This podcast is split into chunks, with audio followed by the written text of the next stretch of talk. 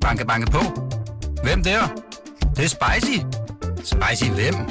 Spicy Chicken McNuggets, der er tilbage på menuen hos McDonald's. Badum, bom, tji.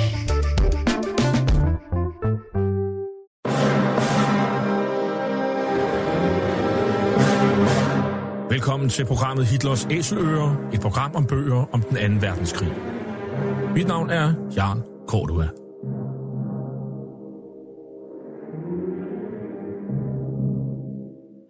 Den anden verdenskrig blev indledt den 1. september 1939 med det nazistiske Tysklands overfald på Polen. Der var tale om en racistisk erobringskrig, der kostede mellem 55 og 70 millioner mennesker livet, og hvor nazisterne systematisk myrdede jøder, romager, slaviske befolkningsgrupper, politiske modstandere og alle andre, der ikke lige passede ind i deres forestillinger om et ensartet folkefællesskab. Nazisterne de blev i årene efter krigen dømt ved krigsforbryderdomstolen i Nürnberg, og flere af deres organisationer, såsom nazistpartiet NSDAP, SS og Gestapo, de blev stemplet som ulovlige forbryderorganisationer. I den her serie, som vi har valgt at kalde for Hitlers Æsler, præsenterer vi nogle af de mange bøger, som i disse år udkommer om den anden verdenskrig.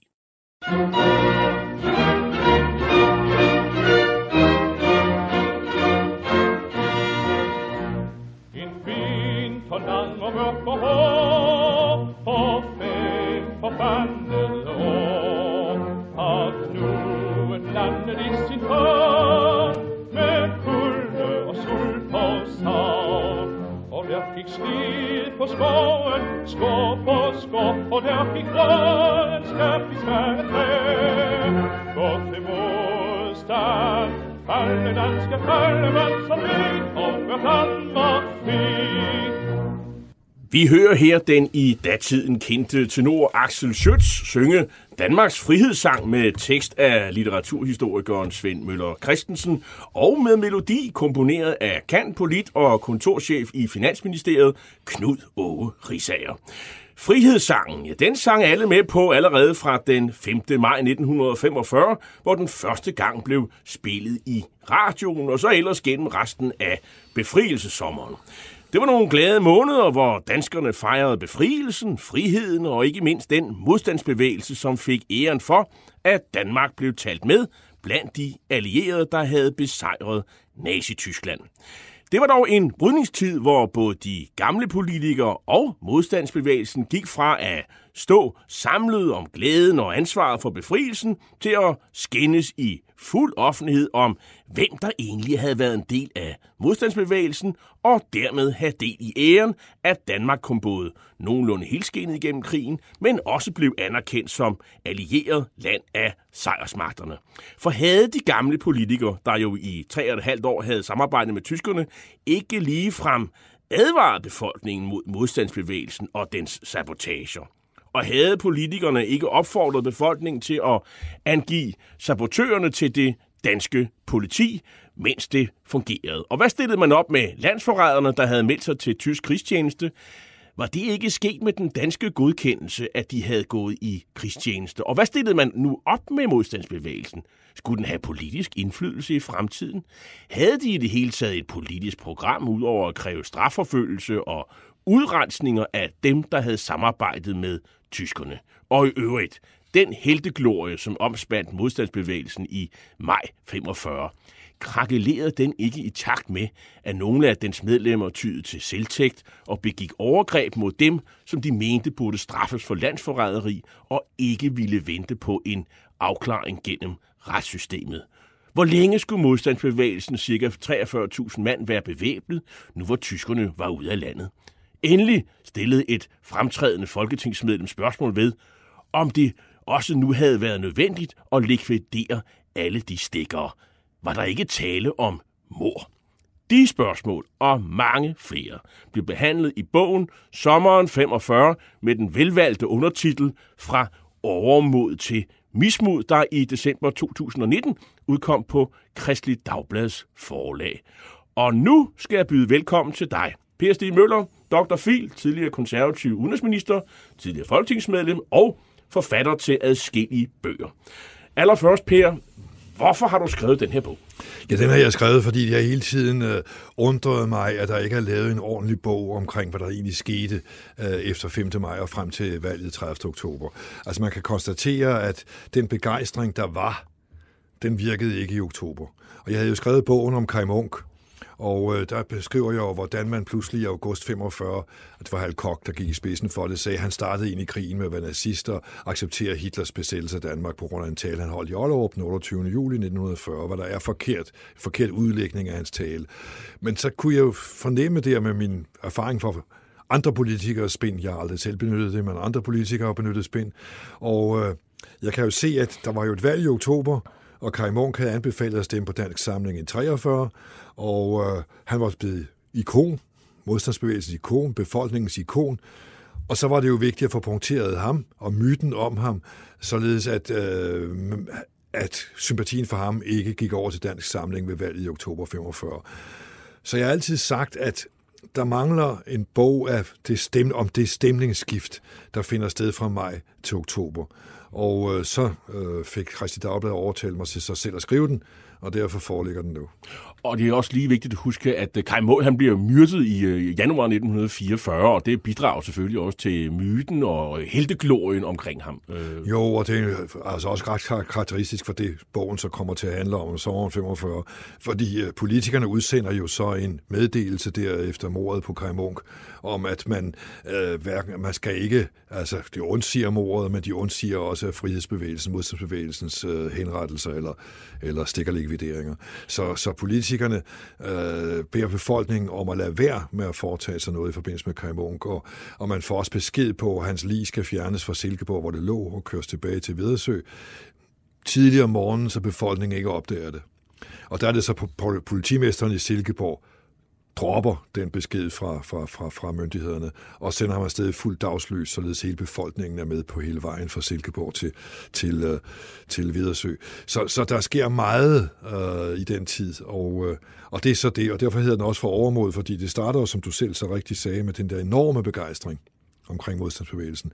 Og mismodet, ja, der ender modstandsbevægelsens folk, frihedskæmperne i vidt omfang i mismod. Man kunne jo være fræk at sige, det er jo ligesom øh, historien om øh, modstandsbevægelsens øh, storhed og fald.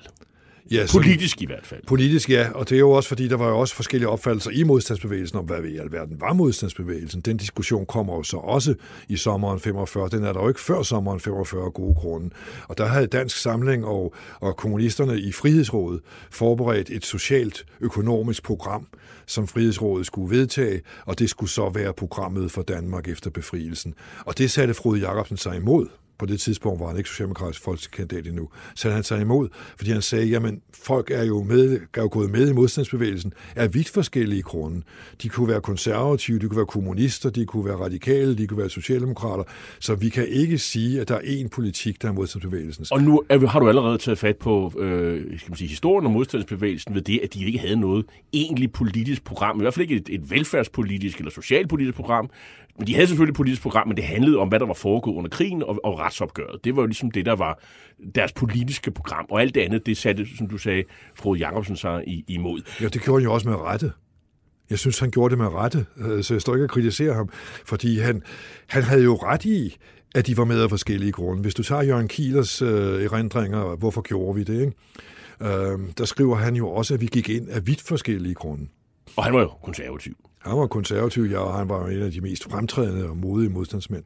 Du har jo bygget bogen op kronologisk, og det er jo meget godt, fordi så kan alle jo være med fra starten, øh, og du har jo læst aviser øh, faktisk øh, fra maj 45 og så frem til oktober. Det er jo sådan, du har, har bygget din bog op og, øh, og sorterer fra avisernes reportager, øh, de debatter, der er, og de interviews, som, øh, som løbende kommer øh, i de seks måneder, der, der, der går fra befrielsen i maj til det første valg i, i den 30. oktober 1945. Og så, så kommenterer du undervejs øh, det, der foregår, og så har du så helliget et kapitel til måske en af de de mest, øh, skal man sige, øh, vilde debatter, eller mest øh, sige, meget følelsesladede debatter, nemlig øh, debatten om stikkerlikvideringerne, som vi også kommer til.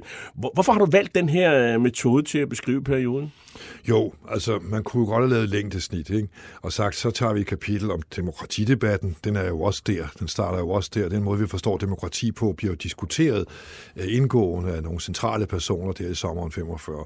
Og Hal Cox, hvad demokrati, udspringer faktisk af den debat, hvor han er meget aktiv. Og det er en bog, som uh, stadig ikke blev læst, og den handler stadig... om demokratiet. Ja, den er stort set grundlaget for den måde, vi opfatter demokrati på i dag. Men det var der jo meget stor diskussion om dengang, så jeg kunne have lavet et kapitel om demokratidebatten. Så kunne jeg have lavet en, øh, en, øh, et kapitel omkring øh, retsproblematikken, retsopgøret. Dit Tam har skrevet en fremragende disputat som det. Det kunne jeg lave et kapitel om. Så kunne jeg lave et kapitel om stikkerlikvideringerne. Så kunne jeg lave et kapitel om neutralitetspolitikken. Så kunne jeg lave et kapitel om politikerne. Og så kunne jeg lave et øh, kapitel om frihedsrådet. Jo, jo, men det ville jo så være blevet en ganske traditionel bog, hvor der er kapitel om det ene, kapitel om det andet, kapitel om det tredje. Det ville jo ikke vise stemningsskiftet. Præcis. Det kunne man jo så kun gøre ved at prøve at lægge kapitlerne ved siden af hinanden, og så finde en rød tråd. Det jeg gør, det er stemningsskiftet, der interesserede mig. Og derfor er jeg nødt til at følge det simpelthen som et pendul, der glider. Og det kan du kun gøre ved at tage stemningen, og den kan du kun i dag finde ja, gennem erindringer, men mest øjeblikkeligt gennem aviserne. Per Stig Møller, du er født, så vidt jeg husker, 1942. Jeg er født i 1969. Ingen af os har faktisk oplevet øh, øh, befrielsen. Du har været meget, meget øh, lille i hvert fald, da du gjorde det. Og øh, det vil sige, at vi har jo ikke, vi har jo ikke læst aviser, vi har jo ikke rigtig fu, fu, fu, fulgt med her. Men se tilbage her 75 år efter, så står modstandsbevægelsen jo i et, i et, sådan et, et stadigvæk i sådan et helgenagtigt lys. Øh, men når man læser din bog, så får man faktisk indtryk af, at man... Øh, øh, som tiden gik, så blev man faktisk ret træt af. Altså, der var mange i, øh, specielt de gamle politikere, men der var også mange i befolkningen, der var faktisk var, var lidt træt af, af modstandsbevægelsen. Og det er Jamen, også det, det beskriver. Ja, det beskriver jeg jo også, og det er jo derfor, det ender med, at de gamle politikere vinder valget i oktober, og der er næsten ikke nogen modstandsfolk, der bliver valgt ind i Folketinget, og der er mange modstandsfolk, der slet ikke kan blive opstillet, eller som ikke bliver valgt. Uh, så, så der er stemningen skiftet, og det, det er jo også inde i modstandsbevægelsen, er der jo også kritik af modstandsbevægelsen efter 5. maj. Fordi øh, altså Nils Jørgensen, som, som var en af de ledende modstandsfolk og redaktør på Nationaltidene, han var leder af Hjemmefronten, som var en modstandsgruppe og modstandsblad. Øh, han skriver, jamen vi var jo ikke 43.000. Altså, øh, der går jo en masse rundt med armbind, som vi aldrig har set noget som helst til. Øh, vi var 600, siger han et sted. Øh, Tolstrup, som var en af de mest betydningsfulde modstandsfolk op fra Skive, øh, stod for at modtage nedkastningen fra, fra, fra det britiske fly, øh, sammen med Hvidstengruppen for eksempel. Jamen, han, han bliver også irriteret over det. Han siger, allerede i maj, jamen, hvor kommer de fra? Vi så dem ikke. Så det vil sige, inde i modstandsbevægelsen er der også nogen, der er trætte af alle dem, der nu pynter sig med modstandsbevægelsen. Der er for mange medløbere. Der er for mange medløbere. Fritidskæmperne, tror jeg, de kalder ja, dem. Og de sidste dages hellige. Ja, øh, der er så andre, der vil sige, jo jo, men man vidste jo ikke, hvor farligt det kunne blive. Så de, de, dem, der gik med til sidst, de, de, de, de påtog sig jo en risiko. Det burde man jo også anerkende. Ja, ja, hvis de var gået med, og hvis der var kommet invasion i Danmark. Det skal man jo selvfølgelig tænke på. Det var, det var jo faktisk frem til 1. maj, venter man jo stadigvæk, at der kan komme en invasion. Altså invasion kan finde sted i, Danmark. Altså udover det i D-dagen, så kan der komme en ny invasion. Kampe i Danmark. Tyskerne overvejede jo også, det ved vi jo, de sad jo helt frem til den 3. maj, og overvejede, om der skulle kæmpes i Danmark og Norge. Og det var en øh, drøftelse, som Dönitz, altså Hitlers efterfølger, havde nede i Mørvik, blandt andet med Terboven fra, fra Norge og Best øh, fra Danmark. Hvad er den politiske situation sådan lige før befrielsen? Den politiske situation er, at der er Frihedsrådet og politikerne gået sammen. Øh, men det er også sent. Altså, de har jo drøftet siden 4, efteråret 44. Ikke? Der har de så en koordinationsudvalg, hvor øh, kontaktudvalg, hvor der sidder H.C. Hansen fra Socialdemokratiet, Axel Møller fra De Konservative, og så lidt skiftende folk fra Frihedsrådet. Og øh, de bliver så enige om, hvad der skal ske efter krigen. Og øh, de bliver så også de er uenige om regeringsdannelsen, hvor mange mandater, hvor mange ministre skal Frihedsrådet have, modstandsbevægelsen af, hvor mange ministre skal øh, politikerne have. Og det drøfter de sådan typisk igennem et halvt år. Og så bliver man til sidst, jamen er jo helt frem ved 2. maj, hvor man bliver enige om, at man skal have lige mange hver. Uh, man har også haft diskussioner om, hvem skal være statsminister. Det er klart, at Wilhelm Bull, som du nævner, øh, som den 2. september 42 i en radiotale er opfordret til at angive sabotører til politiet, at det var jo modstandsbevægelsen, var ikke begejstret for Wilhelm Bull. Wilhelm Bull holdt, holdt radiotalen den 2. september 1942, hvor han gik imod sabotage, hvor han opfordrede befolkningen til at angive sabotørerne. Så det var jo svært for modstandsbevægelsen at acceptere ham som, som statsminister. Øh, du vil også kunne se selv mange år efter krigen, som jeg også bemærker i bogen, der er der jo flere af de ledende modstandsfolk, der siger, jamen han var jo landsforræder, altså Tolstrup og Kiel er jo rystet over, at han kan blive statsminister. Øh, og ved siden af så har han så øh, John Christoph Møller, som jo var konservativ partiformand, men ikke repræsenterede de konservative, for han var flygtet til London i 42 og var blevet undsagt og gået ud af partiet. Det var man nødt til. Og så sidder han som repræsentant for modstandsbevægelsen, som udenrigsminister. Så han er han, uplættet på en anden måde? Ja, han, han var uplættet, fordi et par dage efter Bull havde holdt den tale, holdt Christopher Møller en tale fra London, altså over BBC, hvor han opfordrede til, at man, gør, øh, at man, at man begik sabotage. Så de var pludselig de to ledende figurer i regeringen. Det siger jo noget om sammensætningen af den regering. Du taler selv i, øh, i bogen om, at, at politikerne de sådan etablerer en, en myte om, at, at samarbejdspolitikerne de har været en slags medkæmper sammen med, med modstandsbevægelsen. Altså, øh, man havde sådan lidt forskellige måder at ligesom udtrykke modstanden mod tyskerne på, men øh, i det lange løb, så var man ligesom, så trak man på samme hammel. Øh, og, og, det, og det er ligesom det befrielsesregering eller samlingsregering, de de to navne, man bruger. Øh, det, det, det giver vel også befolkningen et indtryk af, at øh, når nu man så gået sammen, de gamle samarbejdspolitikere og, og Danmarks Frihedsråd, og de har lavet den her befrielsesregering, og, og, og, og så, så, så den myte kan man vel altså, kan man vel hænge hatten på, i hvert fald de samarbejdspolitikere, som jo ligesom øh, kører med den myte. Ja, det er jo det, jeg kalder politikermyten. Men den bliver jo knæsat den 5. maj i radioen. Fordi der taler Christian den 10., der taler Mogens Fogh, der taler Wilhelm Bull, Mogens Fogh repræsenteret Frihedsrådet, og så Mogens, øh, Wilhelm Bull ikke, til den danske befolkning. Og, øh, og der gør de jo alle sammen meget ud af, at vi stod sammen under hele krigen. Altså, nogle år senere siger Mogens Fogh, jeg var vist nok lidt for venlig. Men det var det, hvad de sagde. Og øh, der, der grundlægges jo politikermyten, fordi øh, lige fra Christian Thien, som også havde undsagt sabotagen, han havde også i en radiotale undsagt sabotagen. Så det var en myte. Man havde ikke stået sammen fra den 9. april. Og det er jo så det, at politikerne så siger, jamen vi forberedte modstanden, og uden os havde der ikke været nogen modstand.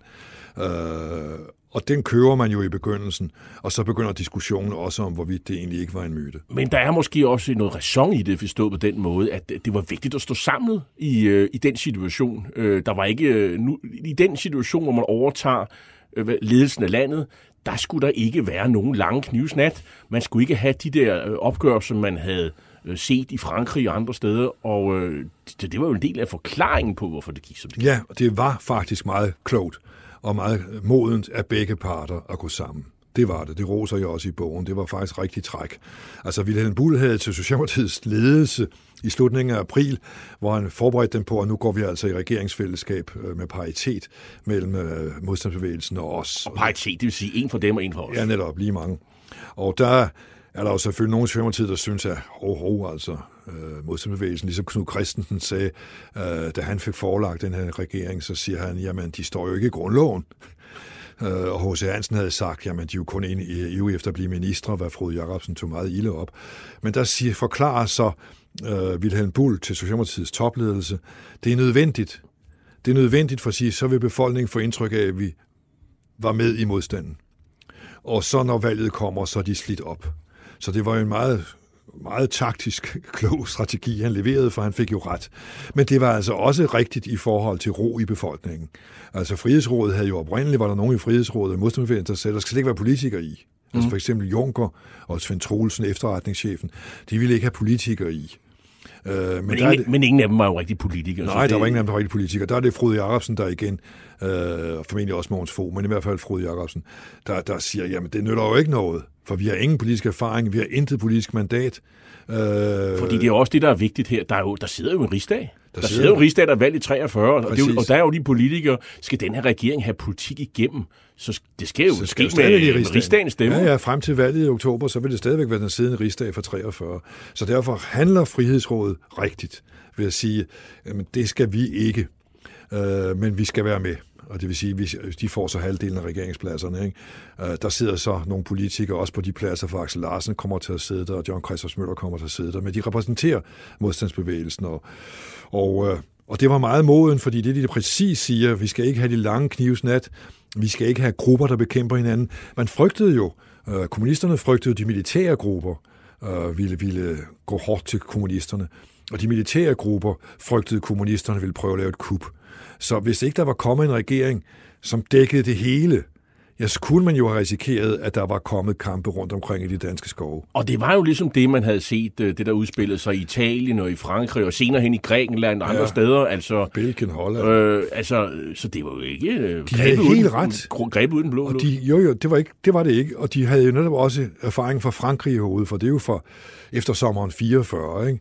at øh, opgørende finder sted inde i Frankrig, og det er jo med de lange knivsnat. Altså, der er mange mor, der finder sted der. Vi mester har jo også mange opgør efter den 5. maj herhjemme, men, men det, kunne, det de frygtede var, at det ville blive borgerkrigslignende tilstand mellem forskellige grupper, hvis ikke der var en regering, som dækkede hele Danmark, og det fik man jo. Og derfor synes jeg, det var en meget moden beslutning, begge parter tog. Som den var taktisk fra Wilhelm Bulls side, var den klog, og den var også klog fra Frihedsrådets side. Vi var lidt inde på det før. Den her samlingsregering eller befrielsesregering, hvilket politisk program har det? Fordi der er jo der er mange forventninger om, at nu skal man lave det nye Danmark, og det skal være mere ret, socialt retfærdigt. Økonomisk og, demokrati. Ja, altså det, det er jo meget, set med vores dagens briller, en, en meget venstreorienteret vind, der blæser her. Altså det er måske også fordi, at det, Sovjetunionen er, er den store sejrherre og så videre. Det på, hvis de er så dygtige på slagmarken, så er deres økonomiske system sikkert også udmærket. Det, det er sådan lidt den, den, den, den vind, der blæser her. Ikke? Og, og der er vel også nogle forventninger om, at ungdommen skal have mere, skulle jeg sagt. Det er ungdommen, der har kæmpet. Øh, de skal have valgret. Øh, på det her tidspunkt tror jeg, det er 25 år, man skal være for at have, have stemmeret. Og, og, og, og der skal ske noget nyt. Danmark skal moderniseres. Ja, det er fuldstændig rigtigt. Og hvis du ser debatten, øh, den kører jeg jo også igennem. Det er jo meningen med hele bogen, ikke? Også demokratidebatten. Ja, altså de vil have lavet en grundlovsændring, således de unge tidligere får stemmeret. Det forhindrer det radikale venstre og venstre. Øh, så den kommer så ikke, det er en grundlovsændring, men den kommer så i 53. Øh, men de andre socialdemokrater, kommunister og konservative ville godt have haft en grundlovsændring hurtigt, så de unge præcis blev øh, takket for deres indsats under krigen. Der bliver også nedsat en ungdomskommission med Hal Koch som formand. Og i debatten er der også omkring Sovjetunionen, som du nævner, der skal vi jo lige huske, at de har jo også erfaring fra England, hvor Labour jo til alles overraskelse slår Churchill, og Attlee bliver statsminister i England. Øh, det kommer jo som et chok for det borgerlige Danmark. Øh, du vil se, at de konservative går ind for økonomisk demokrati, øh, på det tidspunkt. Der, så der, og Socialdemokratiet kommer også med Fremtidens Danmark, som øh, jo øh, nok er et venstreorienteret program, det er det i høj grad, men som Hans Hedtoft yderligere understreger er et opgør med, med kapitalismen. Ikke? Men alt det her, det er ikke en del af befrielsesregeringsprogrammet. Nej, det er, det, der, det, er, det, er det, der, nej, det er ikke frihedsrådsprogram. Det er heller ikke befrielsesregeringsprogram. Selvom nogen havde ønsket det, specielt kommunister. Kommunisterne og Dansk Samling, de var faktisk gået sammen, hvad der er mærkeligt. Som var et, et, et, et, et parti, som... Ja, det er lidt svært at, at, at, at, at placere politisk. Øh, det var højre national på nogle områder, ja. og venstre, venstreorienteret på andre. Ikke? Ja, præcis. Det var præcis det, det var. Men, øhm, men det, det handler jo meget om et opgør med øh, dem, der har gået tysk tjeneste, hårde straffe, øh, til dem, der havde gjort det. Altså, der skulle være en udrensning af dem, der på forskellige vis havde været lidt for flinke til at hjælpe tyskerne, mens de stod i landet. Ja, det var det, det drejede sig om. Det var det, de ville have igennem. Altså, det drøftede man jo også i det kontaktudvalg, jeg har nævnt, og mellem politikerne og Frihedsrådet. Og der, bliver, der stiller Frihedsrådet jo som krav og som forudsætning, for de vil acceptere politikere eller gå sammen med politikere, at de får det her retsopgør øh, fra bund til top. Og det er der jo stor diskussion over øh, løbet af sommeren. Også Hal Kokker meget ene, hvor han så siger, jamen hvis det var bund til top, så skal vi jo også tage alle de her de ministre, og så skal vi også lige huske kommunisterne, som jo hjalp nazisterne, eller i hvert fald var sammen med nazisterne, indtil Tyskland overfaldt Sovjetunionen i uh, juni 41. Og det handler jo også om dem, der har selvfølgelig gået i tysk krigstjeneste, men det handler jo også om, at Hiborg, dem er, dem er der ikke sådan en stor diskussion om, kan man sige. Nej, men, men der dem... er en diskussion om, hvorvidt minimumstraffen skulle være fire år eller mindre. Øh, så der er jo nogle dommer, der frifinder, fordi minimumstraffen var fire år. Det var det, frihedsrådet havde forlangt. Men der var jo ting, der ikke rigtig kunne give fire år. Og derfor oplever du, nogen for alt for hårde straffe, fire år, mens andre bliver frifundet, fordi straffen er for hård. Altså der er en for eksempel, der bliver frifundet Og så siger så dommeren, man kan jo ikke give ham fire år for at skrætte kartofler hos SS. Og det, og det er ligesom det, der er problemet. Det er meget ufleksibelt, og det er måske også en atmosfære af hævn, Det er, tørst. det er hævn, opgør. Og øh, så det vil sige, det, det er opgør med, også med, med, med det, man kalder for værnemagerne, altså dem, der har økonomisk udnyttet, ja. at, øh, at tyskerne jo sådan set har bestilt alt muligt og brugt en masse penge til, til, til, til, til den tyske krigsmaskine, og så har de jo og så har de jo det hævet pengene i Nationalbanken, ja. så det, det er de, de almindelige danskere, der kommer ja. til at betale øh, i sidste ende. Og der skulle også være et opgør med, med det. Men, men før Det man, kommer der jo også. Der bliver lavet en stribe værne med, jeg tror tre eller fire værne med, med at love. Uh, og der kommer pengeombytning, således at øh, penge, man ikke kommet, altså sorte penge, ikke? altså dem kan du ikke gå ned i banken med, så der forsvinder jo mange penge ud af systemet, som egentlig altså er, er, er lavet ved værnemageri. Og det kommer som en tyv om natten, hvor man siger, nu skal jeg gå ned, og, og, så, og så skal man ligesom redegøre for de her penge, øh, hvordan er de tjent. Og ja. Ja. hvis man ikke kan det, jamen, så er det bare ærgerligt. Så er de beslaglagt. Så er de beslaglagt. Ja. Men hvordan går det egentlig med sådan at overtage magten i Danmark? Øh, Det, det, skør, man, det skør man jo allerede klokken 7 den, øh, den, den 5. maj. Det er jo meget velorganiseret. Det er utrolig velorganiseret, men det er altså først den 2. maj, de er helt færdige. Det er jo ret tankevækkende, at de først er færdige den 2. maj. Med planlægningen, og hvad der skal ske. Ja, og hvem der skal være ministre, og øh, hvor mange hver part skal have. Øh, programmet er de enige om på det tidspunkt. Det er person- og regeringssammensætningen, der er det sidste, de får på plads.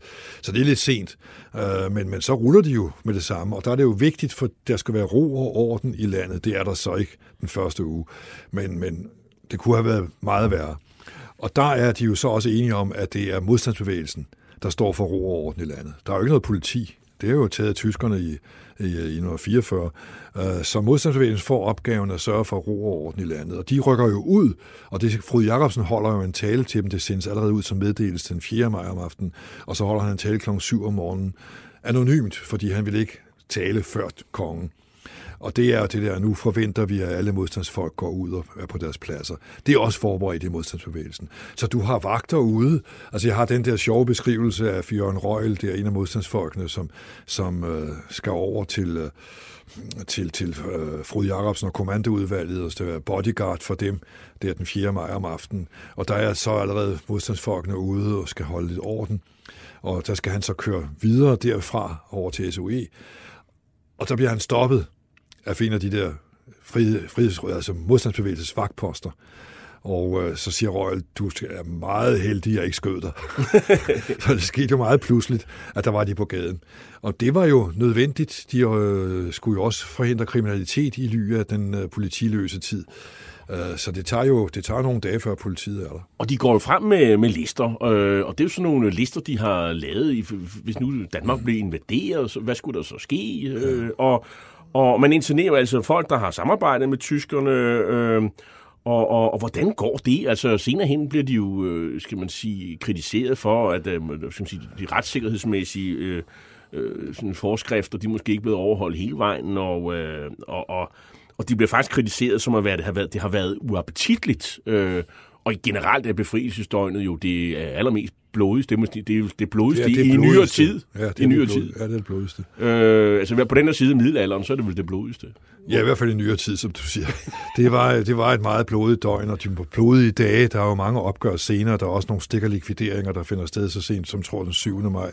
Og, og, og der er kampe.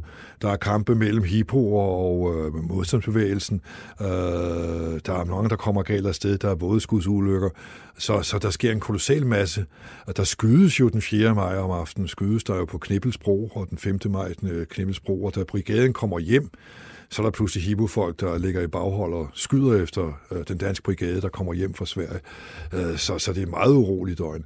Men, men det kunne jo være blevet værre, hvis ikke modstandsbevægelsen havde været organiseret. Og det handler også om, når med de arrestationslister, at sørge for, at der sker en eller anden form for... Øh, øh, retssikkerheds Ja, de tænker nemlig også, be- be- behandling af, at folk ikke bare sådan tager sig selv til rette Præcis. og siger, ham bliver naboen der, øh, ham cykelsmeden, han har nok været lige lidt venlig med hensyn til at og, og samarbejde med tyskerne. Nu, nu, nu, nu, nu løser jeg den opgave på samfundets vegne og, og skyder ham, eller et eller andet. Det, er det er jo det, man prøver Jamen, det er det, man frygtede af lynchningen, og det var jo også en af begrundelserne fra Frihedsrådets side til at gå ind i den regering, altså, sammen med politikerne. Det var jo også at undgå lynchning, og, øh, og det, den stemning, der var efter den 5. maj, som jeg beskriver, øh, den, den var jo næsten, så du hvordan pigerne blev behandlet, der havde været sammen med tyskere. Vi var jo meget tæt på lønstemning, så hvis ikke der var nogen, der kunne have myndighed og havde armbind på, så kunne det være gået meget værre. Øh, der er jo en af frihedskæmperne, som siger, de kommer jo stikkende og angiver den ene og den anden og den tredje, at du skal lige tage den med, du skal lige tage den med, du skal lige tage den med, ikke? som der ikke var nogen grund til at tage. Så mange tog de jo med ind på de der åbne ladvogne, som ellers ville være blevet lynchet. Og det siger man så som forsvar for, at man, man tog for mange. Man tog altså også nogen for at beskytte dem. Men de, der blev taget, følte jo ikke, de blev beskyttet. Nej. For de blev jo udstillet på de der åbne ladevogne med hænderne over hovedet og med maskinpistoler i ryggen. Og, og folk, der råbte og spyttede efter dem. Folk råbte og spyttede efter Det har ikke været nogen rar oplevelse. Nej, du kan se du kan se, at pressen jubler jo ved at se dem.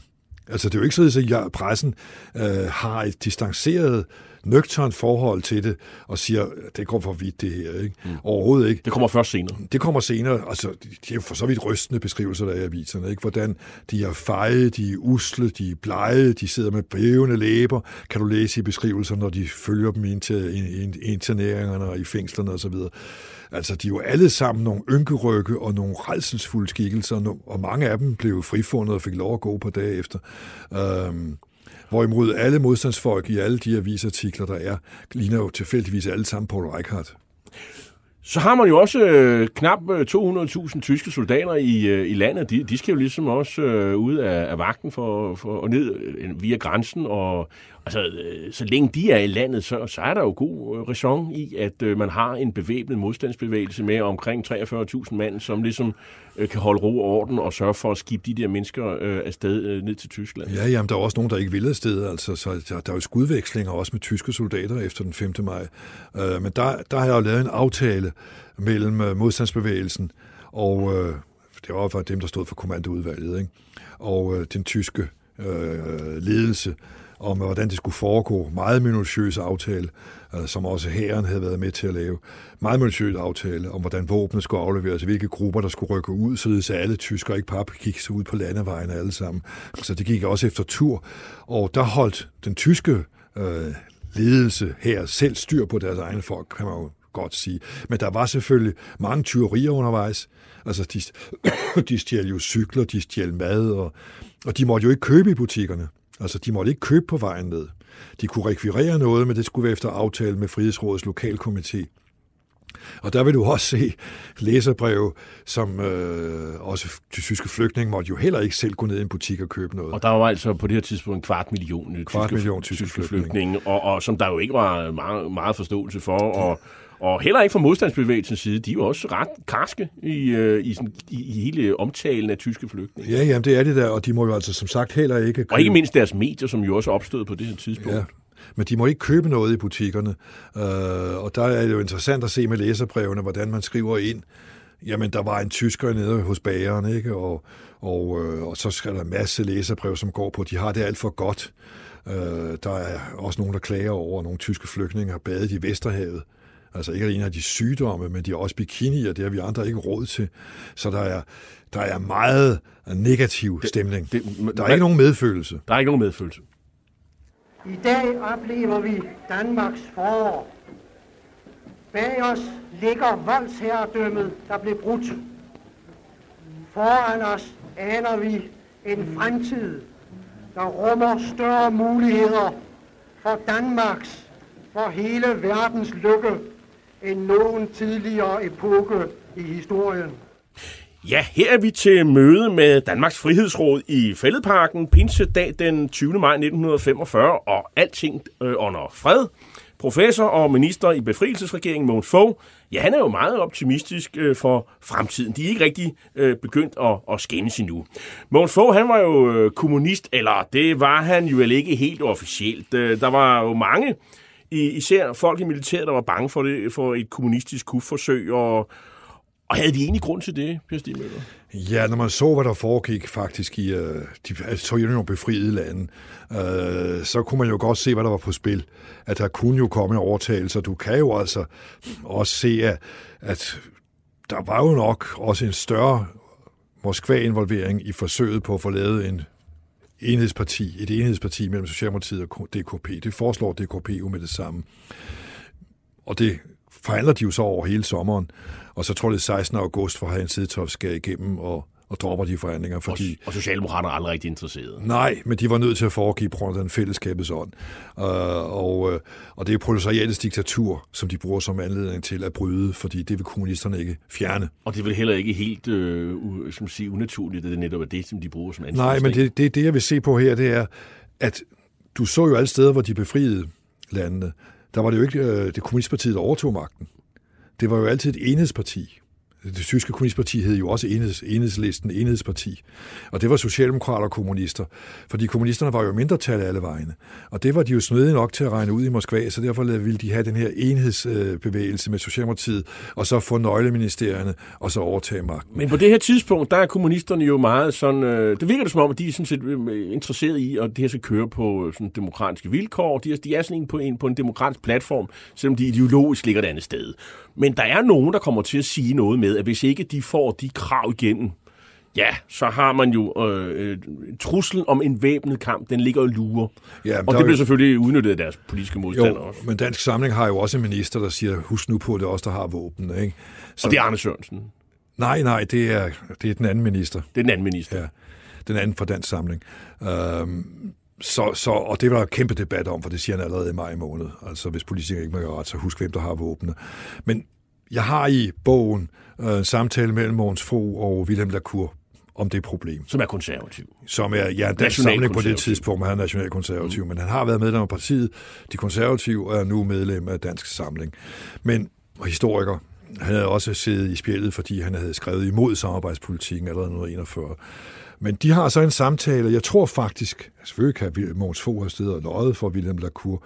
Det tror jeg ikke, han har. Men Mogens Fogh var et meget åbensindet og talende menneske. Og så der siger han, jamen der bliver ikke tale om, at vi vil prøve noget som et kub og voldelig overtagelse. For vi får magten i kraft af stemmesiden. Befolkningen vil stemme på os. Alfred Jensen, den ledende øh, kommunist, har den samme opfattelse. Vi får 70 procent af vælgerne, vælgerne ved det kommende valg.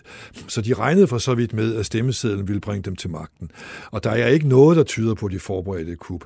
Men alligevel siger Axel Larsen, jeg tror det er 46, det er også med i bogen, til Moskva, at vi, må, vi kan kun tage magten ved vold.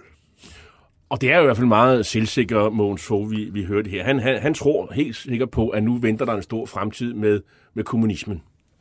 Derfor står vi i dyb taknemmelighed til vores døde kammerater.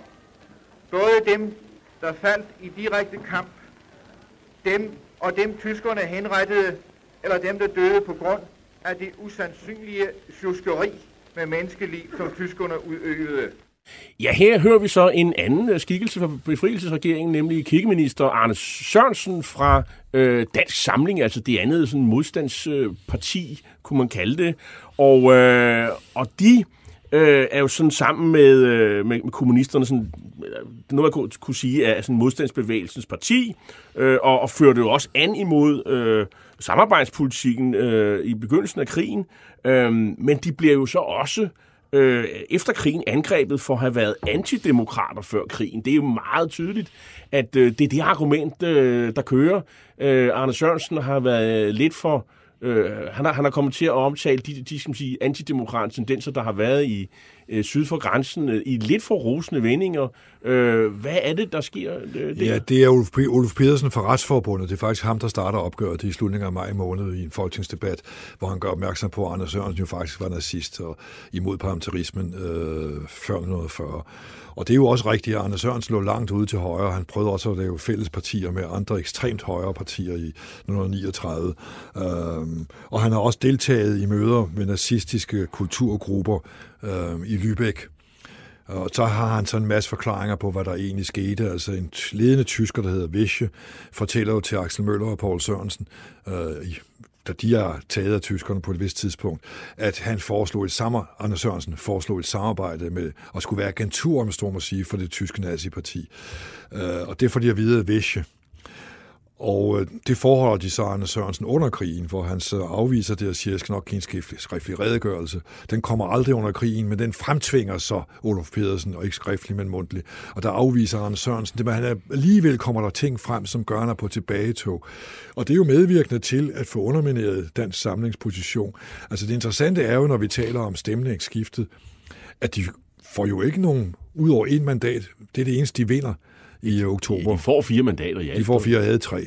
Så det er jo ikke ret meget stor belønning til et af de ledende modstandspartier. I modsætning til kommunisterne, der, De får 18. der får en, en kæmpe fremgang. Ja, de får 18. Så, og, og Olof Pedersen kan man jo ligesom, øh, jeg vil ikke sige fremhæve, men altså i hvert fald bemærke, at han udgør jo stort set øh, ene mand opposition til, til stort set hele befrielsesregeringen. Ja, øh, det i, gør I hvert fald i begyndelsen, I begyndelsen. her. Så kommer der nogle venstremænd med. Svending Rytter fra, fra Venstre, tidligere justitsminister. Han åbner opgøret med altså retsopgøret. Det handler om øh, de der retssikkerhedsmæssige problemer, og, han, og Olof Pedersen, han går endnu, han går endnu længere. Han siger, men den her regering her, er den i det hele taget lovlig? Ja. Øh, Ja, og det er jo... Han det, mener, han er lavet ved et kup. Ja. Han siger, at det er en kupregering. har han en pointe? Han har jo en pointe. Øh, Den er jo ikke udgået af Folketinget. Mm. Men på den anden side kan der jo også være ministre, som ikke er udgået af Folketinget. Det kender vi jo den dag i dag. Altså, der optages jo ministre, som ikke er medlemmer af Folketinget. Så de lavede jo ikke noget, som var ulovligt. Modstandsbevægelsen har jo sin egen presse, og, øh, der, er- og det, øh, vi kender jo det ene blad, det er Information, øh, som dengang jo var jo ikke var sådan et venstreorienteret dagblad, som det var i dag. Det er jo sådan lidt mere, det lidt er- mere højredrejet på det tidspunkt, vil jeg mene. Ja, Øh, de og, udgik jo, de udgik, medarbejderne udgik jo fra Nationaltiden, som var et konservativt dagblad. og det var Børge Aarhus, som Børge var i, i i spidsen, spidsen ja. for det. Og, og, og i samme trykkeri, samme bygning, der var Morgenbladet, øh, som så udkom om morgenen, og Information udkom så om eftermiddagen. Øh, og der var det jo så Dansk Samling, der havde et, øh, de havde så Morgenbladet. Øh, og de to medier de, øh, spiller jo en meget stor rolle i, i, i at forsvare øh, Øh, befrielsesregeringen og modstandsbevægelsens synspunkter. Altså, det er jo ret vigtige medier, som også bringer nogle meget interessante... De har et interessant interview med, med Scavenius, der første gang forklarer sig. Så, så det er jo meget centrale medier i virkeligheden. Meget centrale, og Aarhus er jo også en meget central figur i meningsdannelsen der i sommeren 45. Øhm, det, det her er interessant, jeg har en beskrivelse af det. Altså den 4. maj om aftenen, der får de jo så frihedsbudskabet, og så siger Aarhus med det samme, nu skal vi have fat i Fæderlandets lokaler. Det er der, hvor de ligger i dag. For Fæderlandet havde de lokaler. Nede i Stor Kongensgade. Nede i Stor Kongensgade, ja. Og øh, han får så en øh, fat i øh, en, en politibetjent, der er med ved det selskab, han er, og der kører ham ind.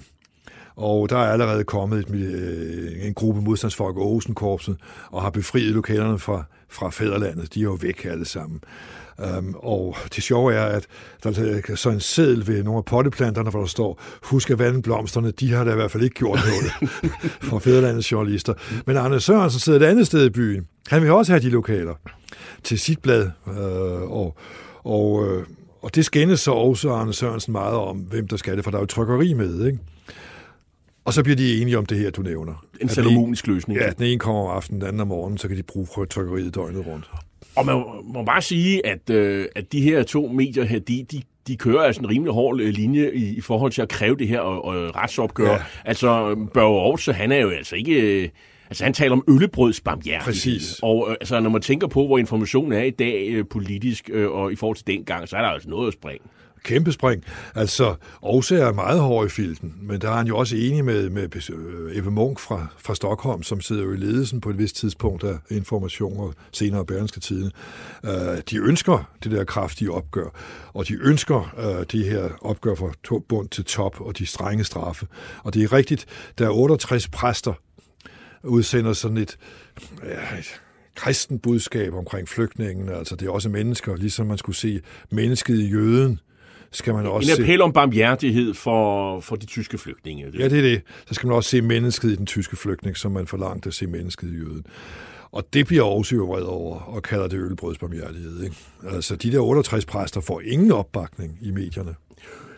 Litteraturprofessor Hans Hertel, han taler om, øh, om tre grundmyter om besættelsen, der bliver sådan udfordret over sommeren, og han har faktisk et ret godt overblik øh, over det. Han siger, at der er sådan en, en konsensusmyte om den store enhed.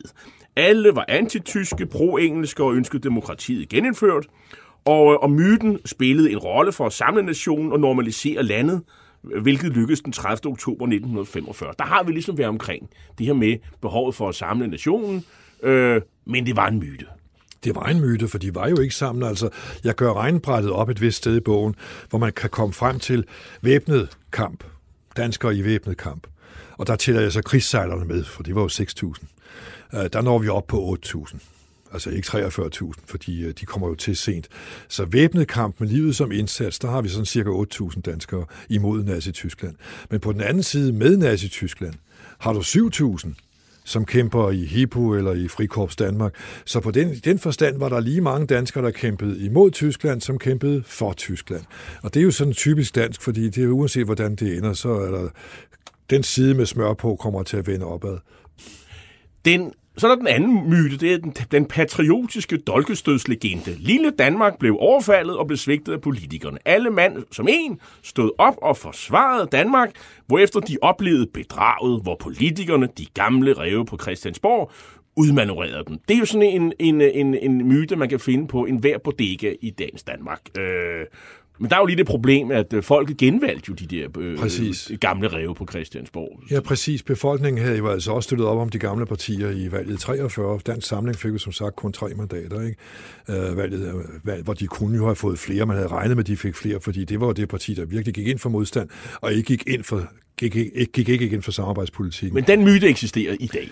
Ja, ja, men det, der så sker, som bogen viser, det er jo altså, at befolkningen vil jo noget andet.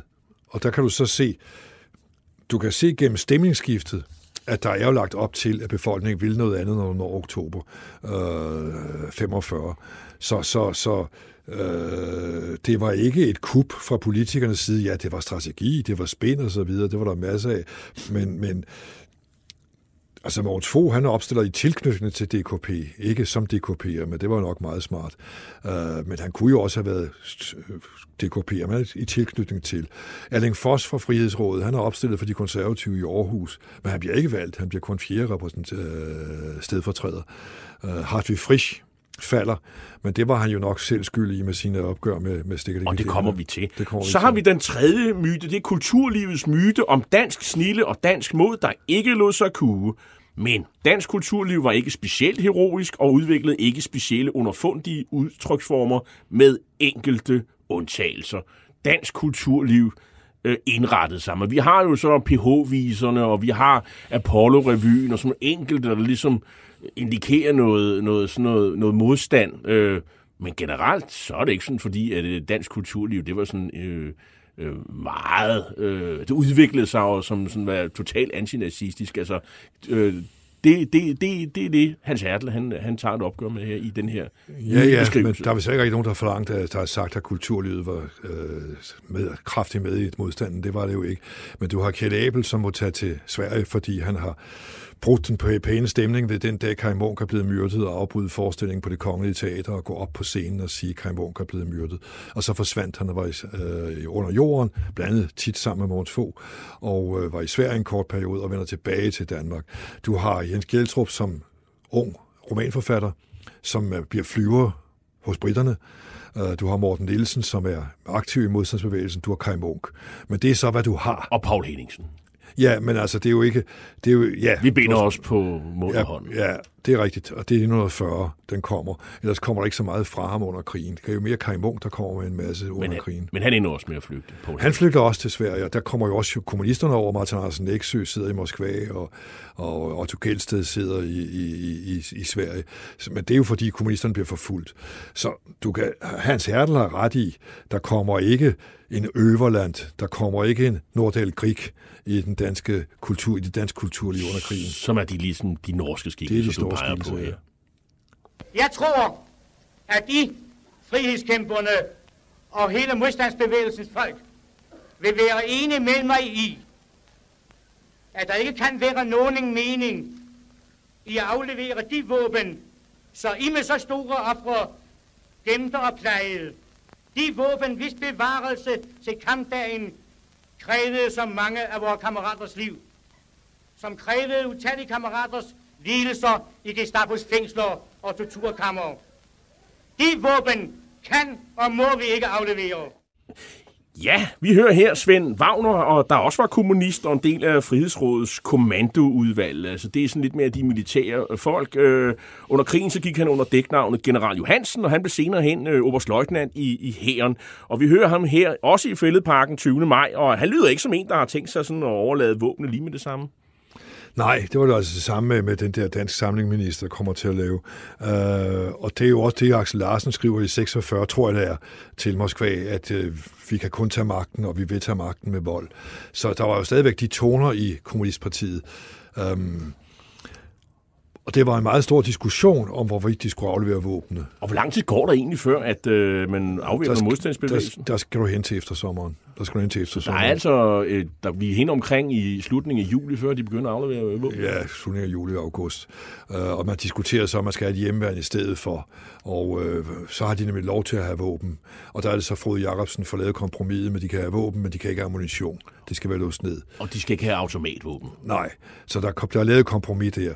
Og så laver man jo hjemmeværnet, og så laver man også kompromiset, så du nævnte Svend Wagner bliver oberstløjtnant, at øh, fremtrædende modstandsfolk kan blive ansat i hæren som officerer. Der er mange af dem, der bliver det. Børge Ting for eksempel, sådan en anden fremtrædende Ja, der er mange, og Knud Østergaard for de konservative for eksempel.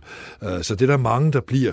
Og det var også et krav, fordi et af kravene for Frihedsrådet er en demokratisering af hæren fra nedefra og op. Og det er jo også i overensstemmelse med de kommunistiske krav i alle de andre lande, at de vil have andre folk ind, og ikke altså den der gamle konservative... Prøjserånden, som kommunisterne som de kaldte kalder det. det. Ja. Du kender det jo fra, fra Matador, der har du ham også, ikke? Der opstår jo nogle situationer, hvor modstandsfolk de sådan tager sig selv til rette, som vi har talt om det. Det går ud over tyskerpigerne, men også øh, samarbejdspolitikere, der bliver arresteret. Der er jo en, øh, en justitsminister, der ja. bliver arresteret midt i det hele. øh, Og på et tidspunkt, så stormer man jo Vestre Fængsel i protest mod, at man mener, at de indsatte landsforrædere der, de har, de har det, øh, det for godt. Det er jo sådan en anslag mod retssamfundet, der trækker jo en, ikke så få veksler på omverdens tolerance og tålmodighed med modstandsbevægelsen. Altså, da, dens ry lider skade, og, og, og viser jo lidt, at ledelsen har lidt svært ved at holde styr på sine, på sine, på sine folk. Ja, og det beklager Mogens Fogh og Frode Jacobsen jo også mange gange, og prøver også at henstille til modstandsbevægelsen, at hvis der er noget, de er utilfredse med, så kom til os. Så skal vi se på det politisk, for nu er de jo minister. Men der er regeringen, modstandsbevægelsen, frihedsrådet, øh, politikerne er i en klemme der i, i retsopgøret. For det er jo præcis rigtigt, som du siger, at nogle bliver vrede over, at det tager for lang tid, og straffen er for milde, og man har det for godt i fængslet. Men til den anden side har du jo kritikken af, at der er for mange, der bliver straffet, og de får for lange straffe. Det er jo den klemme, de er i, og efterhånden er det dem, der kritiserer retsopgøret, altså for at give for lange straffe og for straf for mange, der vinder, for lovene bliver lavet om 1946. Fordi, fordi befrielsesregeringen har jo på det her tidspunkt også leveret nødvendig lovgivning, men de ser jo, at der er for eksempel folk, der har gået i, i SS-tjeneste, som bliver frikendt i, i byretten. Ja, og det er bliver der også meget ballade over. Der er en dommer ved, jeg tror det er Frederiksberg, Karen Jonsen, tror jeg hun hed, Ja. som, som frifinder nogen. Og det bliver jo en kæmpe ballade over, og der forlanger man jo, at hun skal fyre, som at være styr på domstolene. Frihedsrådet ville jo oprindeligt også have særdomstol. Altså det skulle være særdomstol, der dømte, og det skulle være modstandsbevægelsen, der sad og ledede de særdomstole. Øh, det sætter politikerne sig imod. De vil ikke have særdomstole i Danmark. Der er så retssystem, øh, øh, hvad skal man sige, øh, altså retssystemet skal bevares, som man, som, som man kender det. Og, øh, Ja, der siger modstandsbevægelsen, ja tak, ja tak, men det retssystem, som vi kender, det var dem, der satte os i fængsel. Ikke? Så de har jo meget til, lidt tillid til de dommere, som først var med til at sætte modstandsfolk i fængsel, at de nu skulle være i stand til at dømme øh, efter, efter bogen. Der er også en, en diskussion, som pågår om, hvor- hvornår skal man øh, egentlig straffe øh, samarbejdet med tyskerne? Altså er det landsforræderi øh, øh, fra den 9. april 1940, eller skal man regne fra den 29. august? Det, og det ender med at blive den 29. august. Hvor, hvorfor? 29. august 43. Ja, det er, det er jo det er den dag, regeringen øh, den tredje, dimensionerer jo ikke. Så der kan ikke være nogen tvivl der. Nej, der er ikke, der er ikke, de dimensionerer ikke, de holder op med at fungere, mm. og så efter nogle uger, så finder man ud af at lave departementchefstyret. Tyskerne ville jo have haft en ny regering, og det vil man ikke have. Hvis man nu havde dimensioneret, at regeringen var gået af, så havde der skulle udnævnes en ny regering. Og der kunne man frygte, hvad tyskerne fik øh, tvunget igennem med sådan en ny regering. Så derfor er den bare holdt op med at fungere. Det er faktisk statsretlige teknisk, tekniske fif. Um, så det er den situation, du er i. Med den 29. august, der ophører samarbejdspolitikken. Okay. Så er der perioden fra 9. april 1940. Og der har samarbejdsregeringen jo samarbejdet med Tyskland. Og de har jo altså også anbefalet at sætte sabotører, at øh, angive sabotører, og som en af de der angiver, så siger under retsopgøret, da han bliver dømt, jamen jeg gjorde jo det, Wilhelm Bull statsministeren bad mig om.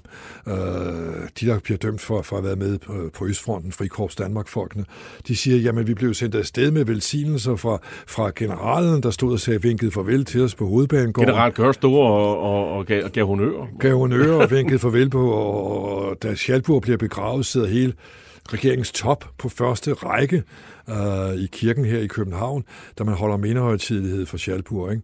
Så, så det kan jo være, har jo været ret forvirrende for de folk, der løber over til Vest, øh, på Østfronten, om det var med regeringens velsignelse. Og det har de jo følt. Og de bliver så dømt øh, alle sammen. Men de synes jo altså, det er uretfærdigt. Så, problem, og så var der dem, der havde plejet omgang med tyskerne selskabeligt. Gunnar Larsen for eksempel, handelsministeren, havde gjort det i høj grad. Han bliver også fængslet. Øhm, men de kan jo henvise til alle de embedsmænd, der har plejet omgang med tyskerne. Jamen, indrigsminister Knud Christensen sendte jo et cirkulære ud i 1940. Og det er altså en venstremand. Det var en venstremand, ja.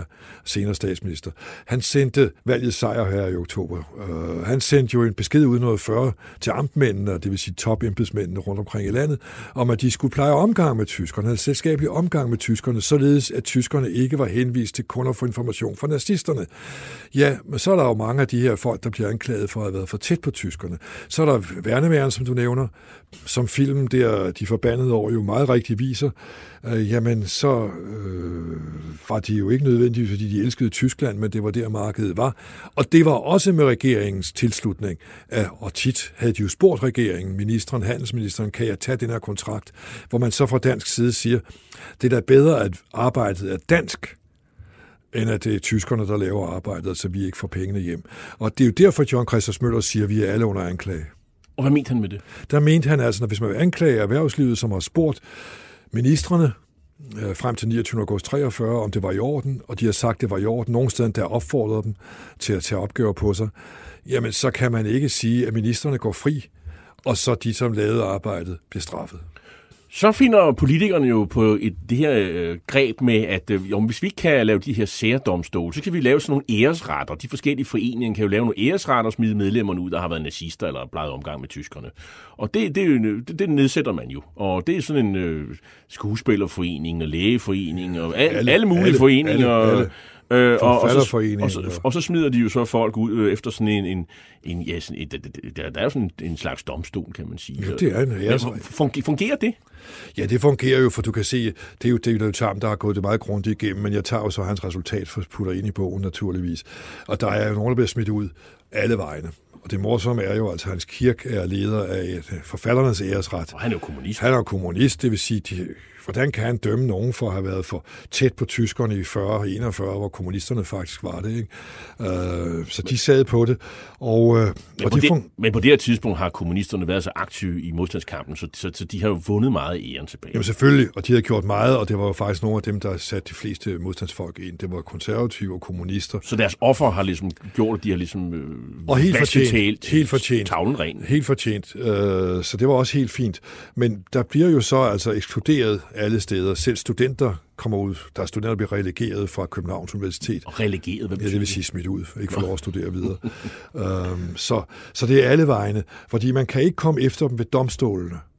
Altså, der kommer også en tjenestemandsdomstol. Det er det eneste særdomstol, der kommer, man så må sige. Ellers er det æresretter. Og disse æresretter, det er fordi, du kan ikke dømme dem.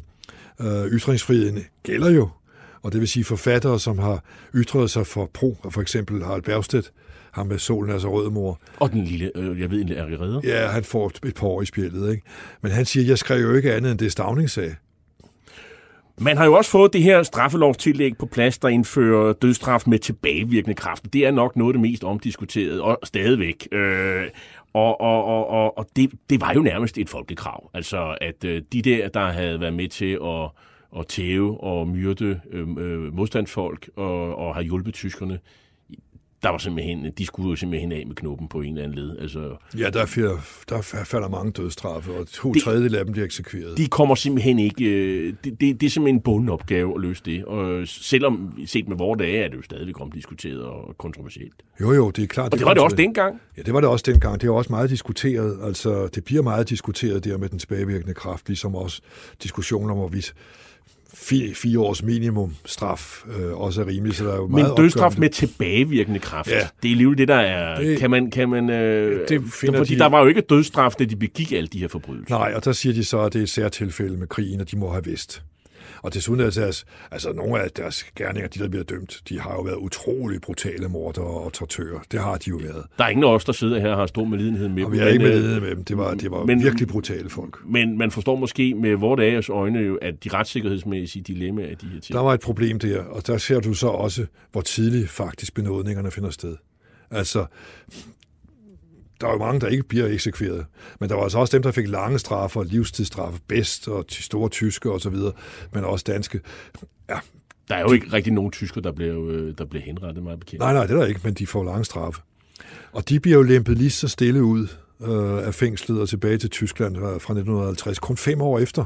Og der er jo altså mange benådninger, eller hvor man kommer tidligt ud af fængslet. Det begynder fra 1950, så lemper man folk ud igen, selvom de har fået lange straffe. Og der er det, de Dave Tam siger, det, det man skal sørge for i den situation, det er at sørge for at trække øh, retssagerne så langt ud som overhovedet muligt, Præcis. fordi så har man chancen for at blive benået, den er, den er, den er større. Hvis man får sin sag hurtigt afgjort, øh, som Flemming Helve Larsen, som var den første, der blev henrettet, og som ikke havde gjort noget i, i sammenligning med så mange af de andre, jamen så risikerer man dødsstraf, at den bliver eksekveret. Det er jo Ja, det, der de, er pointen. det er jo det, der er pointen. Man og skal, de trække små, det, man skal trække tingene i langdrag. ja, de små sager var jo lette at se, for eksempel Helve Larsen.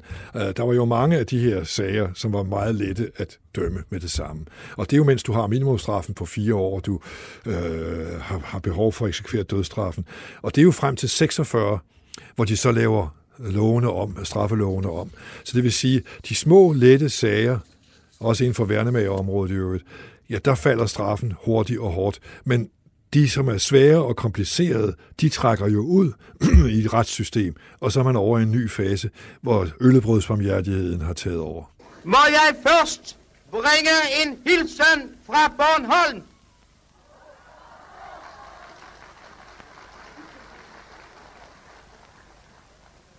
Over på vores dejlige klippeø fik jeg lejlighed til at takke den østlige store allierede Sovjet-Rusland for dens indsats i vores befrielse.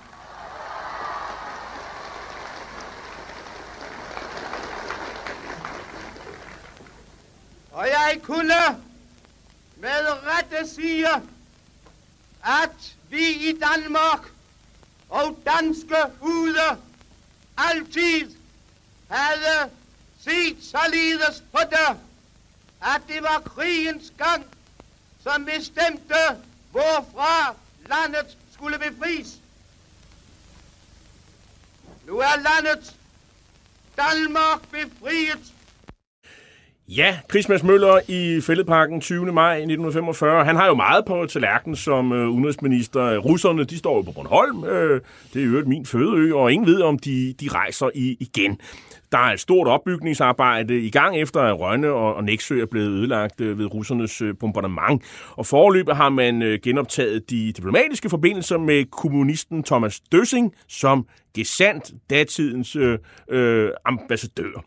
Der stilles jo krav om, at Christmas Møller han skal rense ud i Udenrigsministeriet, hvor flere skikkelser anklages for at være for tæt på, øh, eller have, have været for tæt på og for følgeagtige i forhold til tyskerne. Og det er jo især øh, øh, øh Udenrigsministeriets direktør Niels Svendingsen, som er i skudlinjen. Øh, men øh, Christmas Møller, han, øh, han forsvarer øh, både Svendingsen og nogle af de øvrige øh, top-embedsfolk, øh, men han havde jo ellers bebudet et opgør med, med både Svendingsen og nogle af de andre i Udenrigsministeriet øh, den 5. maj, der var han jo på vej hjem til Danmark. Stig Ja. Møller. Ja, jamen, det var han. Altså, han havde jo lovet, han havde lovet modstandsbevægelsen, at dem, Svendingsen og de, De andre topfolk, de skulle ud med det samme.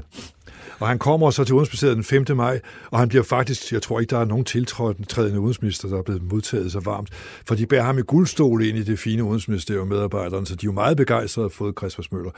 Men så kommer det, sker der jo det, som du selv ved, at så kommer han i snak med Svendingsen, og så får han forklaret det ene og forklaret Han det kommer i andet. menneskehænder. Ja, Så det, de, får over, de, får, de får gjort det klart for ham, at de jo faktisk kun har udført regeringspolitik. Hvad er problemet med Svendingsen og hans folk? Ja, det er, fordi modstandsbevægelsen synes, de har været alt for imødekommende, altså over for tyskerne. Svendingsen, han har været ude at ride med Werner Best, den rigsbefuldmægtige, par gange Ja, og snakke med dyrehaven, det bliver han jo kraftigt kritiseret for i, i sommeren. Sådan Der. en ridetur der med Best, det, ikke, det skal man ikke. Hvad, hvad er problemet ved at Ja, problemet er det, at det tyder jo på denne selskabelige, kammeratlige omgang. Man havde med tyskerne at gøre, og det var, kunne man gøre professionelt og koldt, og det er bare sådan. Men venskab, rideture, selskabelighed, danse, dansang, dansanger og så videre, det var jo at komme for tæt på, i for, når, når man havde en befrielseskamp. Og det er jo også politisk tonedøvt af Svendingsen. Han siger, jamen der fik jeg så de bedste samtaler med bedst. Og det er nok også muligt, at man kan få mere igennem hos manden frem for ved i kontor. Men det er jo tonedøvt. Christian 10. kunne ride alene igennem byen, men Svendingsen red jo ikke sammen med, Christian 10. red jo ikke sammen med tyske officerer. Det gør Svendingsen. Så øh, har han jo også været meget tæt på Scavenius, og det er jo helt, også helt tydeligt, han er meget enig i Scavenius linje, og der er jo så en, det er jo så, kommer jo frem i den sommer, som fortæller, hvordan han er blevet kaldt op efter at en af modstandsbevægelsens ledere, Frihedsrådets ledere, bliver kaldt op til Svendingsen og får at vide sabotage, altså vi er jo fremme i 44, sabotage, det er fuldstændig vanvittigt og sådan noget. Så, så der er jo mange, der har noget på Svendingsens holdninger, men Svendingsen kan gøre meget klart, at jeg har jo kun gennemført den politik, som regeringen havde, og det har han jo også ret i. Og han havde jo dækning blandt politikerne, der sidder i Nimandsudvalget i, i havde Folketinget med Wilhelm Buhl, altså dem, der faktisk er valgt jo. Ja, men de er også med til at stoppe ham nogle gange, når han går for vidt, fordi han er jo også, har jo også udtænkt for beskytte jøderne, at vi, vi samler dem selv. Ja. Øh, og det, øh, Der var, lige, der var måske lige frem i skoen for meget. er der. meget frem i skolen. Det bliver stoppet af nogle af de ledende politikere, men også er bedst, da Svendingsen kommer med forslaget til ham for at forhindre øh, jødedeportation, at vi samler dem i lejre i Danmark. Så siger bedst, det er for sent. Toget er kørt. Og der kommer så så jødeaktionen. Så det havde jo været en katastrofe, om Tyskland havde sagt, jamen det er fint, I samler bare jøderne over i Vingstedcentret, og så øh, havde de jo kunne tage dem alle sammen og bringe til Theresienstadt. Men Christmas Møller blev lige nødt til at sige, at Svendingsen han bliver sådan en ny ambassadør i Sverige. Og de laver sådan en Ja, om, han flytter om, ham væk fra, fra asiatisk plads. så de laver sådan en om... En, Der var de ikke asiatisk plads, der var de Det var over i, på. Christiansborg på det tidspunkt. Ja, det var det. Ja, og Frans Vass, den anden, som bliver kritiseret, ikke? han bliver også, ja, han bliver direktør, og ellers bliver de flyttet rundt. Øh, der er jo også en af hopembedsmændene, Knud Styr, han bliver mishandlet af modstandsbevægelsen i fængslet. Øh, også fordi han havde som embedsmand udført sin arbejde, så der blev gået hårdt til dem, og, og han blev så også frifundet. Der stilles jo øh, krav om, at en del af Sydslesvig skal hjem til Danmark, og måske kunne området øh, ned til Danmark blive sådan så, såkaldt øh, dansk mandatområde. Det er der i hvert fald nogen, der tænker på. Øh, men Christmas Møller, han, øh, han står sammen med regeringen fast på det synspunkt, at grænsen skal ligge fast, hvor den ligger, og det kommer jo til at skabe problemer for ham sidenhen. Ja, altså havde han været... Nu er Christmas Møller jo ganske speciel, ikke? for han gør, hvad der passer ham, og han siger, hvad der passer ham. Ikke? Han tjekker ikke med politiske bagland, og han tager ikke folkestemningen. Det er faktisk ikke, hvad han gør. Han er, hvad en siger på det tidspunkt, jeg tror Rose, skriver, at han er en jeg-politiker. Og det, regeringen har vedtaget, at grænsen ligger fast, og der kunne han jo så have valgt at lade Wilhelm Bull tage skraldet, ikke? fordi han er trods alt statsminister. Men det er ham, der tager skraldet. Og det lukrerer Venstre så på ved valget den 30. oktober 1945, fordi Venstre siger, ja, den ligger fast, men der kan jo ske noget senere. Ikke? Så de åbner for mere. Så, så han tager kampen, og han stiller jo så også op i Sønderland senere i 47. Men det er en diskussion, der kommer til at vare frem til, til valget i 1947. Ja. For I've not been feeling myself all day. It's in the air. This funny feeling everywhere that makes me sing without a care today as I go on my way. It's in the air. It's in the air. There's great excitement here and there. The sun is shining everywhere and spring makes everybody sing. It's in the air. Zoom, zoom, zoom, zoom, high and low. Zoom, zoom, zoom, zoom, here we go. It's in the air. I feel so smart and debonair. And I must warn each lady fair, beware, look out and have a care, it's in the air.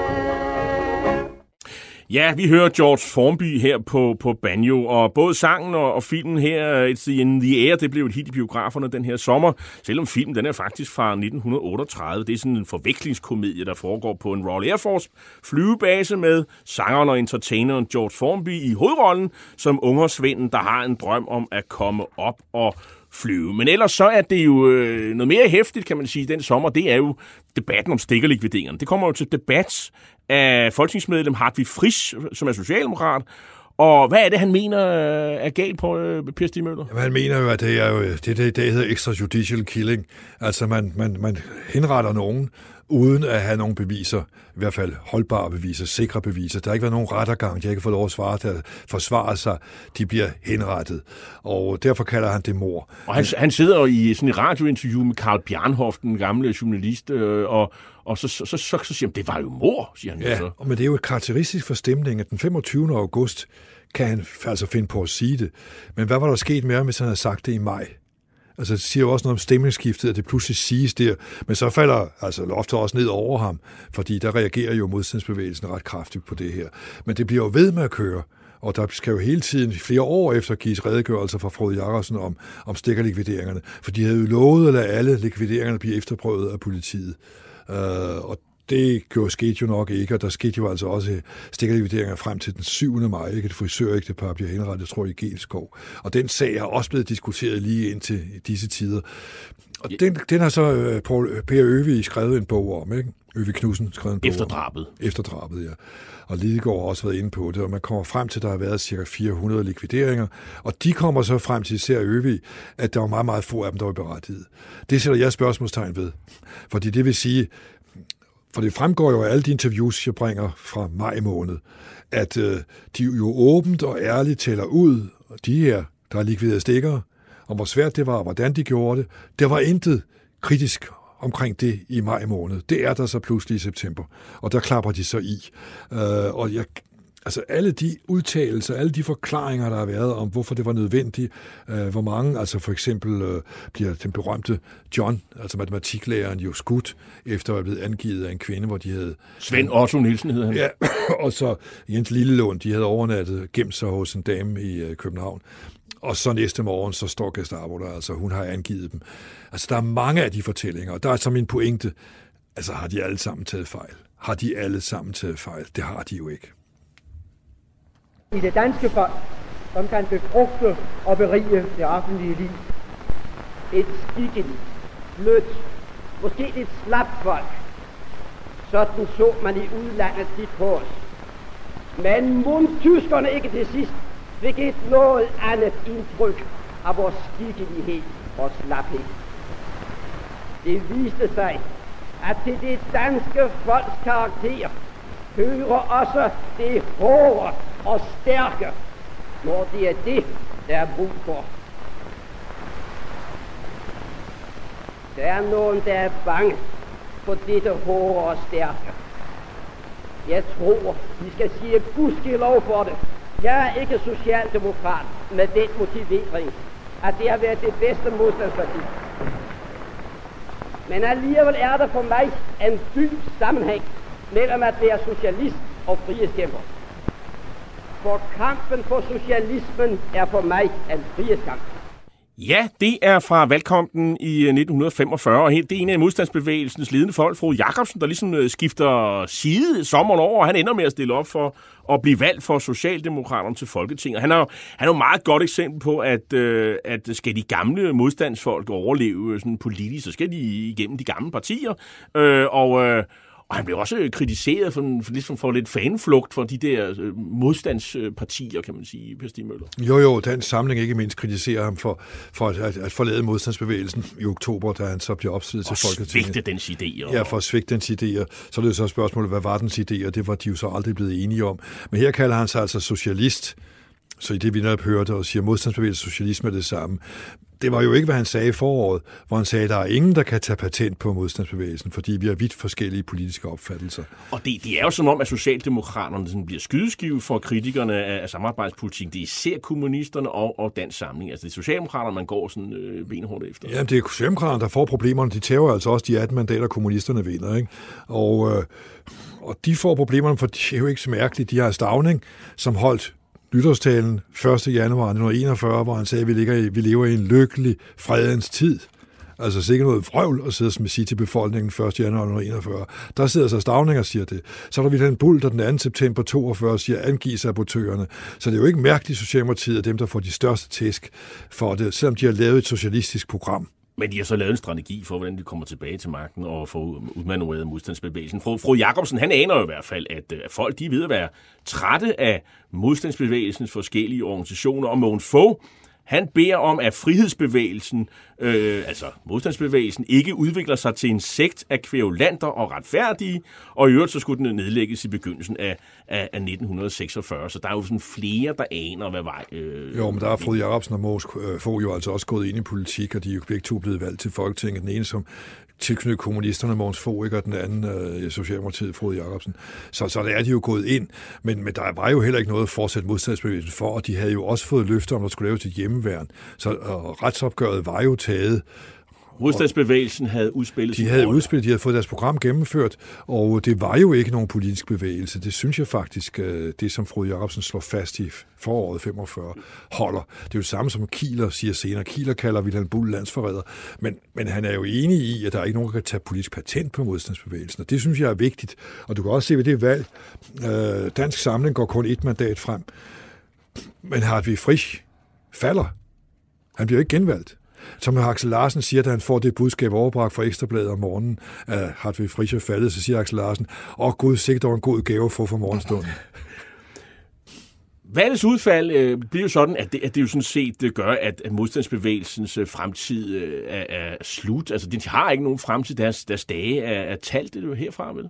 Det, ja, det, det, er jo, det er jo slut der, ikke? og der er jo heller ikke nogen, øh, er der overhovedet nogen fra modstandsbevægelsen med i regeringen, øh, Venstres regering? Jo, der er Per Federspil. Og der, ja, og det, sådan, det ender jo med, at Knud Christensen, venstremanden, som jo også er en af kritikerne, altså man skal huske på, at Venstre er faktisk en af dem, der er mest kritisk over for, for, for modstandsbevægelsen hele sommeren i debatten. Altså, ja, de har heller ikke rigtig været med i, øh, de har været på samarbejdspolitikernes hold, men, men, men Venstre er, altså det må være en meget flad fornemmelse at være sådan modstandsbevægelses øh, topfolk, og se, at det er en venstremand, og det er Knud Christensen af alle, der går hen og bliver statsminister. Ja, det er det jo også. Altså, han er jo heller ikke vild efter det før, før den 30. oktober. Han, han går jo faktisk ind for, at der skal være et flerpartiregering, øh, eller Socialdemokratiet skal påtage sig den. Men det vil Socialdemokratiet ikke efter at have tabt alle de mandater. Så det ender med Knud Christensen. Og der skal man lige, altså, ja, Venstre var ikke meget med i modstandskampen, men de har jo en central figur i Per Federspil, der er modstandsbevægelsens kassemester. Og han bliver minister, efterfølger Frode Jacobsen som minister for særlige anlægner, det vil sige modstandsbevægelsen i 45. Og så skal man også lige godskrive Knud Christensen og det gør Kai Munk, en af de få politikere, Kai Munk roser efter 1942, det er faktisk Knud Christensen, fordi han sagde nej til at sidde i Skavenius regering. Øh, og der vinder han noget kredit. Men han er imod modstandsbevægelsen, skal have politisk indflydelse. Det er jo ham, der sagde, modstandsbevægelsen, den kender jeg ikke. Den står ikke i grundloven. Vi har nu i 75 år diskuteret besættelsen, samarbejdspolitikken, modstandsbevægelsen og stikkerlikvideringen. Der er stadig noget, der... Det, det er jo stadig emner, der sætter øh, scenen i kog, og vi, vi bliver vel aldrig færdige med at diskutere de her ting, Per Stig Møller. Nu har du skrevet en bog om det. Ja, og det, altså for det første synes jeg, det er meget, meget interessant at følge det der overmod til mismod, som du også kan læse i Teskov Hansens romaner om Holger Mikkelsen, for du ser også forløbet. De nøgne træer blandt andet. Ja, jeg prøver at sætte kulturlivet lidt ind. Kjell Abel kommer jo også ind i bogen. Så, så, så du får, skal se det regeringsskift. Det var meget, meget interessant, men du har jo stadigvæk de her problemer med ytringsfrihedens grænser. Du har problemer med retssamfundet, det har du den dag i dag. Øh, du har hele overvågningsproblematikken, ansigtsgenkendelse osv. Du har demokratidebatten. Hvor går demokratiets grænser? Hvem skal man, hvem skal man ekskludere, om jeg så må sige?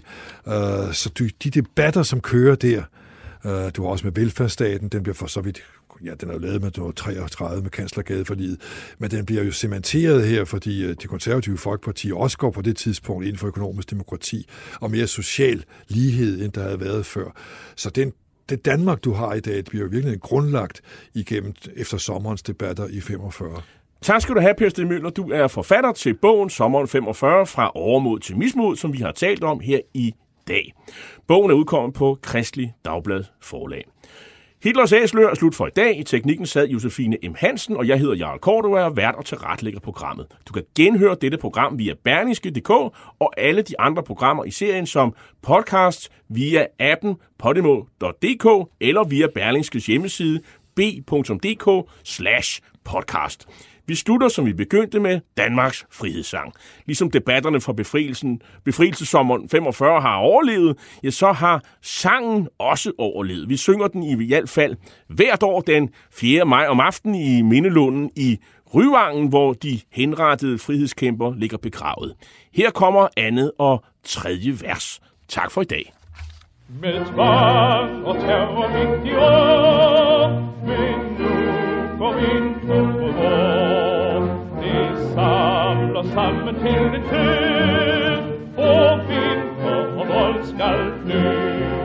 På trods af mor og brand og fængsel, er en folkevilje vokset og på træ. Gå til modstand, alle danske faldemænd, som vinter gør Danmark fri. En storm, en skyldende april, den 9. april. En storm, der renser landet ud, med oprørens skarpe lud. Fej alle visen grønne væk, og lad os se det friske grønne land igen. Gå til modstand, alle danske folkemænd, som vi og Danmark you